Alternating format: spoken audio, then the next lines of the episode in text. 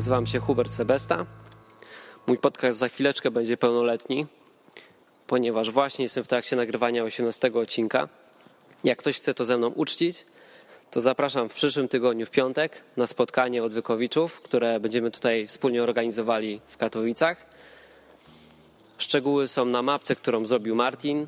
Możecie ją znaleźć na stronce osiedlowy.odwyk.com a jeśli źle podałem tą nazwę, bo nie wiem, nie jestem teraz pewien na 100%, to po prawej stronie na odwyku można kliknąć zakładkę ludzie i tam jest właśnie ta mapka i możecie tam dodawać swoje grupki lokalne, gdzie się spotykacie.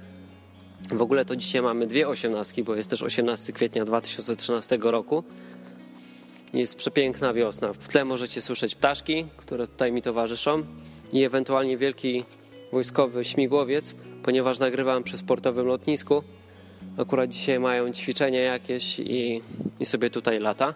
Dzisiejszy odcinek będzie wstępem do swego rodzaju nowej serii, nowego cyklu w tym podcaście, który nagrywam, ponieważ ten podcast składał się do tej pory z dwóch części.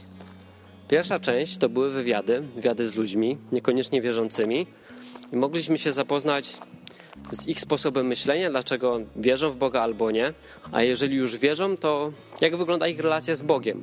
Druga część tego podcastu to były moje przemyślenia na temat chrześcijaństwa, na temat takiego praktycznego życia z Bogiem, tego co mnie bezpośrednio dotyczy i, i nad czym w danej chwili się zastanawiam, tym się z Wami dzielę. Właśnie w ten sposób powstał w mojej głowie pomysł, że skoro robię coś już od pewnego czasu, dla siebie prywatnie, no to przecież mogę się tym z wami podzielić i robić to wspólnie z wami. Właśnie o tym chciałbym opowiedzieć w dzisiejszym odcinku. To będzie swego rodzaju wstęp do tej jakby trzeciej gałęzi już mojego podcastu. I od czego by tu zacząć? Jako chrześcijanie powinniśmy wiedzieć o tym, że będziemy przecież zbawieni, że zmierzamy do licznego życia, do miejsca, w którym jest wspaniale. Bóg powiedział, że są tam rzeczy, których nie jesteśmy sobie w stanie nawet wyobrazić, że nikt nigdy jeszcze czegoś takiego nie widział. Ten świat, który dzisiaj znamy, jest tworzony 7 dni, tak mówi Biblia. Ja w to wierzę. I bardzo mi się podoba. Szczególnie teraz, jak jest wiosna, jak już te śniegi puściły, przyroda budzi się do życia. Uważam, że ten świat jest naprawdę wspaniały, pomimo tego, że ja wiem o tym, że jest uszkodzony. I ten świat, do którego zmierzam, który mam cały czas w głowie, to, to miejsce, w którym nie ma głodu, w którym nie ma cierpienia. Wszyscy ludzie tam są sprawiedliwi, nikt nikogo nie oszukuje. Można porozmawiać bezpośrednio z Bogiem. Wyobrażacie to sobie? Będziecie mogli zapytać o wszystko, co było tu na ziemi. Jestem strasznie ciekawy niektórych rzeczy i chyba sobie zrobił listę pytań do Niego. Mam też nadzieję, tak trochę jak dzieciak, ale, ale naprawdę bym chciał, żeby były tam motocykle. A, nie wiem, żeby może był tam jakiś rozwój techniki, tak jak tutaj. Ja bardzo chciałbym motor. A, a jak nie będzie, to mam nadzieję, że, że po prostu go dostanę od Boga. Z jakimś niekończącym się paliwem albo jakiś odpowiednik. No bo facet to takie duże dziecko, tylko ceny zabawek się zmieniają. No i tyle. To chciałem się z wami podzielić.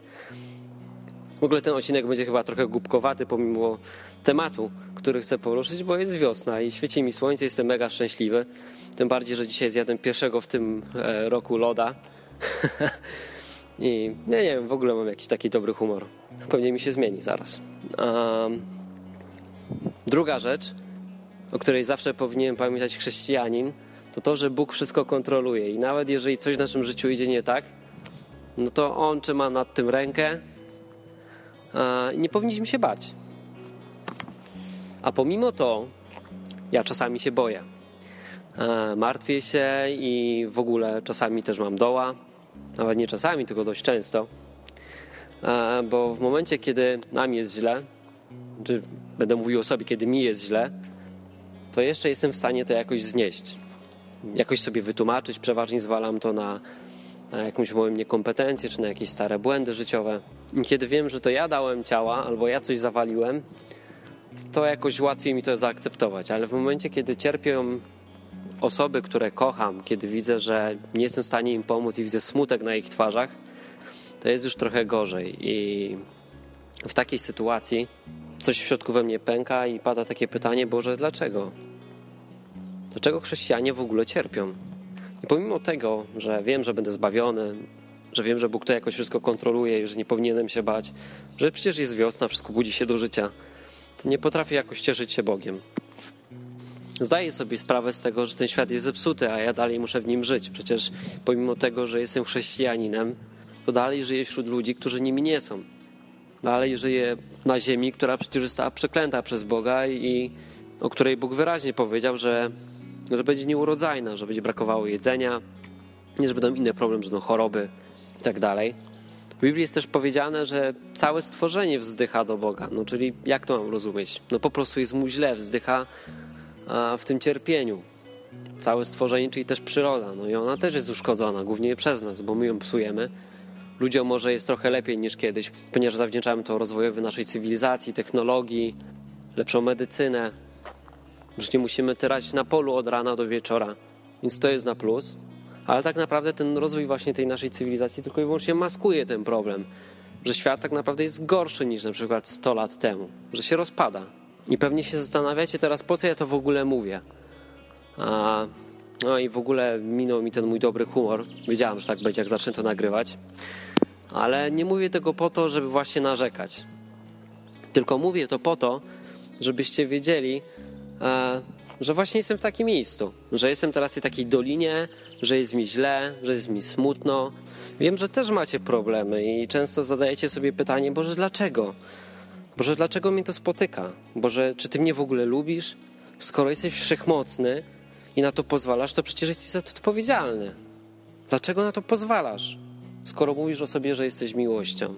Wiem, że często w Waszej głowie kłębią się takie myśli, w mojej też się kłębiły, ale udało mi się na to uzyskać odpowiedź i chcę się tym z Wami podzielić.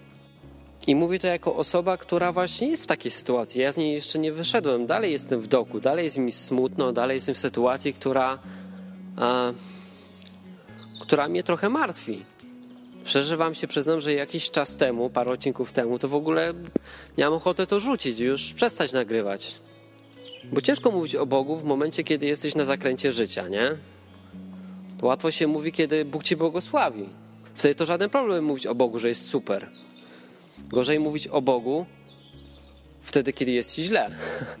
Ale wiem, że to jest właśnie idealne miejsce do nagrania tego podcastu. Bo nie jestem teraz hipokrytą, który mówi o czymś, czego nie przeżył, tylko mówi o prawdziwym życiu. Mówię to też jako osoba, która wie, że Bóg istnieje. Jestem o tym naprawdę przekonany na 100% i wiem, że kontroluje wszystko i nad wszystkim trzyma rękę. Żeby to zrozumieć, trzeba poznać motyw działania Boga. A są głównie dwa powody działania Boga. Dwa takie główne motywy. E, Bóg często mówi o sobie, że robi coś na swoją chwałę. Nie wiem, czy słyszeliście o takiej historii ślepego człowieka. Była taka sytuacja, że apostołowie z Jezusem e, sobie szli i nagle zobaczyli niewidomego człowieka i ten człowiek był niewidomy od urodzenia. I oni się właśnie zapytali Jezusa, kto zgrzeszył w jego rodzinie? Czy on, czy, czy jego rodzice i dlaczego on w ogóle nie widzi? Jezus im powiedział, że są w błędzie. I to jest po to, żeby okazać jego chwałę. I wtedy wziął i uzdrowił tego człowieka i ten człowiek zaczął widzieć. To w ogóle było spełnienie proroctwa ze Starego Testamentu. Tak jako ciekawostkę powiem, że właśnie Mesjasz miał uzdrowić człowieka niewidomego od urodzenia. Nikomu wcześniej się to nie udało. A Jezus to zrobił. Ale wracając do tematu, ktoś może sobie pomyśleć, co za dupek. Przecież Bóg to sadysta. Jak mógł uczynić kogoś niewidomym dla swojej chwały? No, ja też tak kiedyś myślałem. Jak czytałem pierwszy raz Biblię, podchodziłem do niej bardzo krytycznie. Ja tak czytałem i mówię, co za gość? Jak on mógł tak zrobić, nie? Łatwo tak właśnie źle ocenić Boga z naszego ludzkiego punktu widzenia. Tylko trzeba się zastanowić tak naprawdę, jaki jest główny motyw działania Boga, jaki jest jego cel. Bóg chce, żeby ludzie byli zbawieni, tak? Co to oznacza, że chce okazać swoją chwałę? No chce pokazać że przede wszystkim, że istnieje, szczególnie w dzisiejszych czasach jest to ważne. Chce pokazać, że jest realnym Bogiem, czyli kiedy się ktoś nawraca, to w jego życiu dzieją się cuda, że nie jest Bogiem tylko i wyłącznie na papierze, że Bóg to nie Biblia, tylko coś znacznie, znacznie więcej. I czasami dopuszcza w naszym chrześcijańskim życiu złe rzeczy właśnie po to, żeby na nas pokazać swoją chwałę. Czyli tak po prostu mówiąc, żeby na nas pokazać innym, tym jeszcze niewierzącym ludziom swoją moc, żeby ci inni ludzie też mogli się nawrócić. Bo czy nam się to podoba, czy nie, e, nasze życie w oczach Boga no nie ma zbyt dużej wartości. Jakby to najlepiej powiedzieć, żebyście mnie zrozumieli. Cel jest ważniejszy od środków, czyli od naszego życia. Weźmy kolejnego bohatera z Biblii.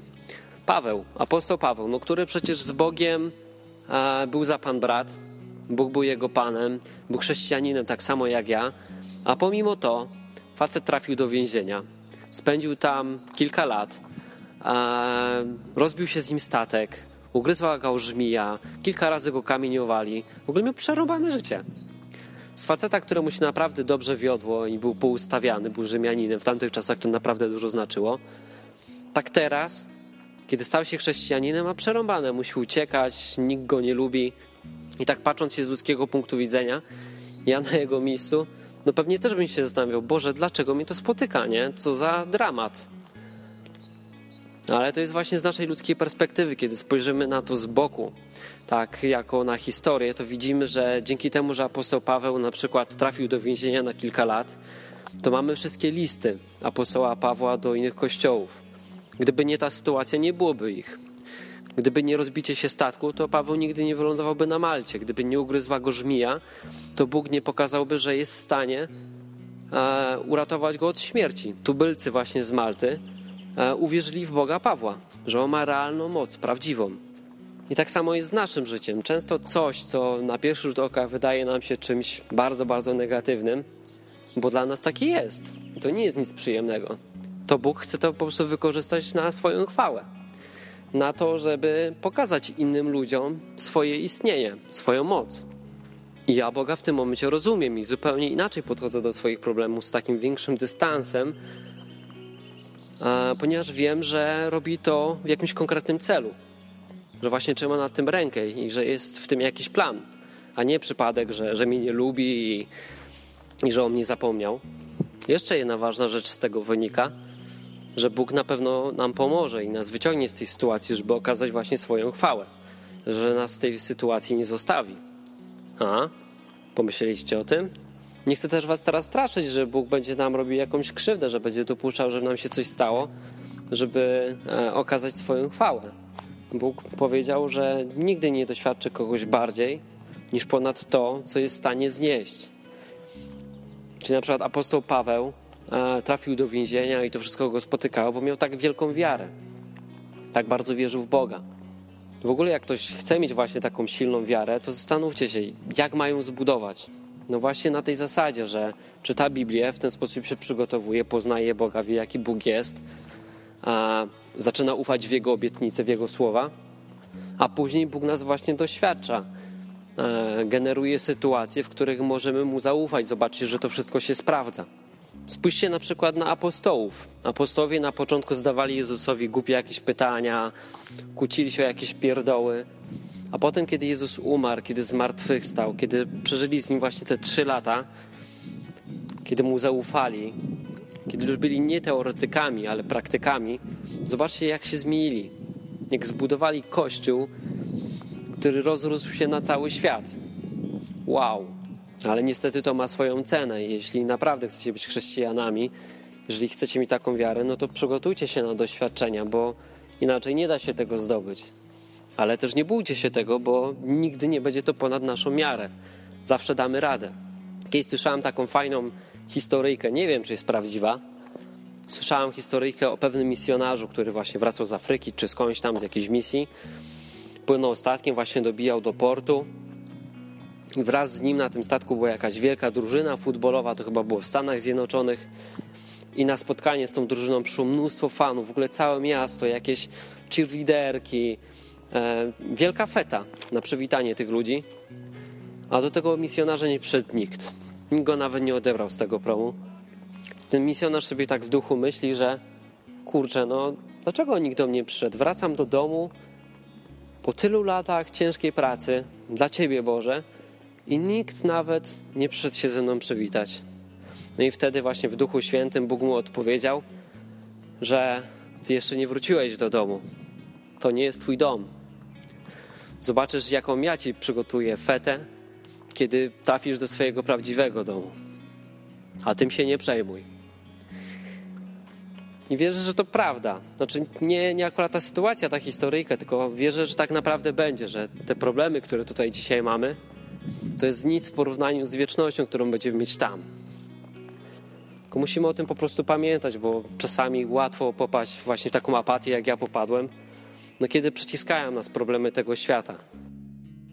No to skoro kwestie chwały Bożej, tego, że te sytuacje, które nas spotykają, są właśnie dla innych ludzi, nawet nie dla Boga, tylko dla innych ludzi, żeby oni też mogli się nawrócić, dzięki temu, że widzą nasze życie i to, co Bóg w nim robi, to tym drugim aspektem właśnie tych takich złych rzeczy, które spotykają chrześcijan, są często grzechy, czyli po prostu niewypełnianie woli Boga, bo tym jest właśnie grzech, czyli robienie coś wbrew Jego woli. Najlepszym przykładem właśnie złych uczynków w nich będzie Hiob. No, teraz się pewnie zdziwiliście, ale dokładnie tak, Hiob. Historia Hioba pokazuje nam pewną postawę tego, że na początku, kiedy coś dzieje się złego w naszym życiu, to człowiek siada i zastanawia się, czy wszystko robi tak, jak należy, tak jak Bóg tego chce. I kiedy tu wykluczył Hiob, zaczął mieć pretensje do Boga, dlaczego? Dlaczego mi to spotyka? No i wtedy Bóg się na niego właśnie wkurzył. Dlatego, że traktował Boga zero-jedynkowo. Czyli robię dobrze, mam błogosławieństwo, robię źle, spotyka mnie kara. I to jest dobre myślenie. Tylko nie zero-jedynkowo. Jeśli robimy coś dobrze, tak jak chce Bóg, to nie daje nam to gwarancji, że nic złego nas nie spotka. No właśnie, może nas spotkać coś złego, po to, żeby Bóg mógł objawić tą swoją chwałę. Po to, żeby nas czegoś nauczyć, po to, żeby zbudować naszą wiarę, żebyśmy w przyszłości byli przygotowani na coś większego. Różne są powody i właśnie o to miał pretensje Bóg do Hioba, że pyta się o coś, czego nawet w stanie nie jest zrozumieć. Że pyta się o plany i zamysły Boga. To jest Boża sprawa, czemu tak się dzieje w danym momencie. Ale też patrząc na historię Hioba, widać, że pomimo tego, że spotkało go coś złego, Bóg go z tego wyciągnął. Ale na początku Hiob zastanawiał się, czy on czegoś źle nie zrobił. I to jest jak najbardziej dobra postawa. I tego, tego należy się uczyć. Bo jeżeli chcemy mieć taką pewność, że Bóg nam pomoże, że, że wyciągnie nas z tego, no to musimy wiedzieć, że naprawdę robimy to, czego On od nas oczekuje. I dlatego, kiedy ja się znalazłem w tej takiej swojej sytuacji podbramkowej, zacząłem się zastanawiać, czy może ja czegoś nie zepsułem. Czy może nie robię czegoś nie tak. Chciałem Wam pokazać troszeczkę, jak Bóg patrzy na człowieka, bo to jest ważne, żebyśmy to zrozumieli, nim przejdziemy dalej. Bóg często porównuje się do ojca. Zastanówcie się, czy jeżeli macie dziecko, to czekacie, aż ono będzie doskonałe, czy kochacie je od razu, pomimo tego, że robi kupę jeszcze złych rzeczy i je wychowujecie. No kochacie od razu, nie? Przecież nikt nie czeka, aż dzieciak dorośnie i będzie mądrzejszy i będzie w stanie się wszystkiego nauczyć. Tylko to jest proces. I Bóg nas zmienia, ale to nie oznacza, że przestaje nas kochać. Kocha nas cały czas. Na dowód niech będzie chociażby opis relacji Boga do Kościoła. Jeżeli jesteś chrześcijaninem, to jesteś członkiem Kościoła. Tworzysz Kościół, bo Kościół to ludzie. A Bóg swój Kościół porównuje na przykład do oblubienicy, do swojej żony. Darzy ją przeogromną miłością. Mówi o Kościele, że ludzie z Kościoła, czyli ten Kościół, jest jak lilie między cierniami. Nie wiem, czy wiecie, ale tak naprawdę Bóg tutaj przyjdzie drugi raz w momencie sądu tylko i wyłącznie po Kościół. Właśnie po nas. Bo nic innego tu nie wraca. Cała reszta będzie zniszczona. Wraca tylko i wyłącznie po nas. Tutaj nie chodzi o to, że my jesteśmy tak zajebiści, że jesteśmy tak dobrzy, że Bóg nas tak kocha i w ogóle jest super, tylko tak naprawdę to wszystko złego, co robimy, te grzechy, które dalej popełniamy, no przecież popełniamy grzechy pomimo tego, że jesteśmy chrześcijanami, to wszystko zawdzięczamy temu, że zapłacił za to już Jezus. I kiedy zgadzamy się na to, żeby On to wziął na siebie, to przed Bogiem jesteśmy idealni. Idealni dzięki Jezusowi, nie dzięki sobie. To nie oznacza, że mamy w tym grzechu trwać. I to jest bardzo, bardzo dobra postawa, ta, którą miał Hiob, że w momencie, kiedy dzieje się coś w Twoim życiu nie tak, w ogóle, jeżeli jesteś chrześcijaninem, to wręcz powinieneś chcieć wiedzieć, co podoba się Bogu, żeby właśnie nie grzeszyć. I kiedy mi tak przycisnęło i kiedy było mi naprawdę bardzo źle, zacząłem czytać od nowa Nowy Testament, ale z takim konkretnym nastawieniem, że chcę widzieć, co naprawdę podoba się Bogu, co jest mu miłe, w jaki sposób uzyskać tego błogosławieństwa, tego obietnice, bo ja w nie wierzę. Poza tym, skoro tak dużo dla mnie zrobił, to dlaczego mam tego nie robić? Ja naprawdę lubię Boga i chcę żyć tak, żeby mu się podobać. I robiłem to dla siebie. I stwierdziłem, że hmm, skoro robię to dla siebie, no to przecież mogę się tym z wami podzielić. Wielu ludzi czerpie naukę właśnie o Bogu, o tym, co mu się podoba z różnych kościołów. No ale przecież kościołów jest mnóstwo, ale każdy od siebie się czymś różni i naprawdę jest ciężko rozpoznać, który kościół jest prawidłowy, który naucza dobrze. Weźmy to, porównajmy do czegoś. Załóżmy, że chcecie zostać ekspertami od fałszywych pieniędzy. Chcecie umieć rozpoznawać fałszywe banknoty. To możecie mieć naprawdę bardzo duże doświadczenie, oglądać tysiące fałszywych banknotów, ale zawsze będzie ryzyko, że się potkniecie, dopóki nie będziecie wiedzieli, jak wygląda oryginalny banknot. Musicie mieć wzór, do czego to porównać.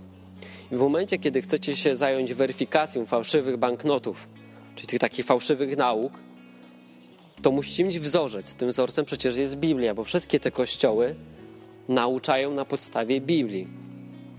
Jesteśmy w dość trudnej sytuacji, ponieważ nie jesteśmy Żydami, wywodzimy się z pogan. Jest bardzo dużo zamieszania z tą nauką. Każdy gada co innego. I tak naprawdę nie należy w ogóle tych ludzi słuchać, tylko samemu sprawdzić, nauczyć się tego, jak wygląda prawdziwy banknot, a, i na tej podstawie potem dokonać weryfikacji. Bo jeżeli będziemy wiedzieli, jak wygląda ten oryginał, to nie będziemy mieć z tym problemu. I tak właśnie postanowiłem czytać od nowa Nowy Testament z takim nastawieniem, z ustawioną koncentracją na ten konkretny temat. I co tydzień będę się z Wami dzielił moimi jakimiś tam przemyśleniami, tym co znajdę. I chciałbym, żebyście ze mną wzięli w tym udział, żebyście pisali w komentarzach, czy się z tym zgadzacie, czy może dostrzegliście coś jeszcze innego. W następnym właśnie odcinku, w którym będę o tym mówił, będę mówił na temat Ewangelii e, Mateusza. Powiem Wam też, jak na dzień dzisiejszy do tego podchodzę i postaram się to albo obalić, albo właśnie wytrzymać tą próbę. Na dzień dzisiejszy uważam tak, że jako chrześcijanin, który kiedyś był poganinem, no bo nie jestem przecież Żydem, nie podlegam pod prawo. Dlaczego? Dlatego, że nigdy pod nim przecież nie byłem, nie byłem obrzezany, nie? W związku z tym te prawo nigdy mnie nie dotyczyło. W dziejach apostolskich zresztą, kiedy właśnie nawracają się pierwsi poganie, ten temat jest poruszany. I apostołowie mówią, że chrześcijanin, poganin nie musi podlegać pod prawo, bo nie, i nie musi się obrzezać. No bo obrzezanie jest równoznaczne z tym, że zbawienie otrzymuje się jakby, że zbawienie otrzymuje się poprzez przestrzeganie przykazań. Chrześcijanin poganin, jak i chrześcijanin Żyd jest zbawiony z wiary, z wiary w to, co zrobił Jezus, w to, że mu zaufał. No więc co ze Starym Testamentem, co z tą całą nauką? Czy mam ją wyrzucić? Nie, bo zaraz chwilkę pod tym jest wyraźnie powiedziane, że e, że przecież nie od dziś, co sobotę jest wykładany właśnie Stary Testament, czyli Mojżesz, w synagogach. Tak powiedzieli apostołowie. No jaki z tego wniosek? Ja wyciągam taki, że chrześcijanin nie podlega pod prawo i nie będzie na jego podstawie sądzony, ale ma się uczyć z tego prawa, co podoba się Bogu i stosować to w swoim życiu. Tak mi się wydaje. I w momencie, kiedy wiemy, co podoba się Bogu, a się do tego nie stosujemy, mamy Boga gdzieś, no to Bóg też ma nas gdzieś. Tak uważam. Ale mogę się mylić.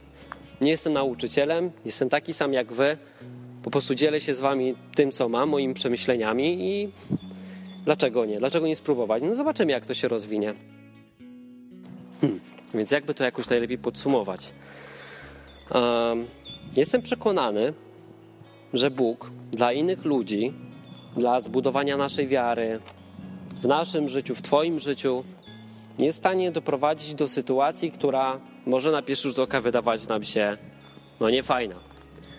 Może może powodować na, naszym, na naszych ustach grymas i smutek. I niech najlepszym przykładem na to będzie chociażby Mojżesz czy Dawid. Ludzie, którzy byli bardzo blisko Boga. Poczytajcie sobie psalmy, jak tam Dawid się żali do Boga, żeby, go, żeby mu pomógł. Przecież Dawid musiał uciekać, nieraz chować się gdzieś.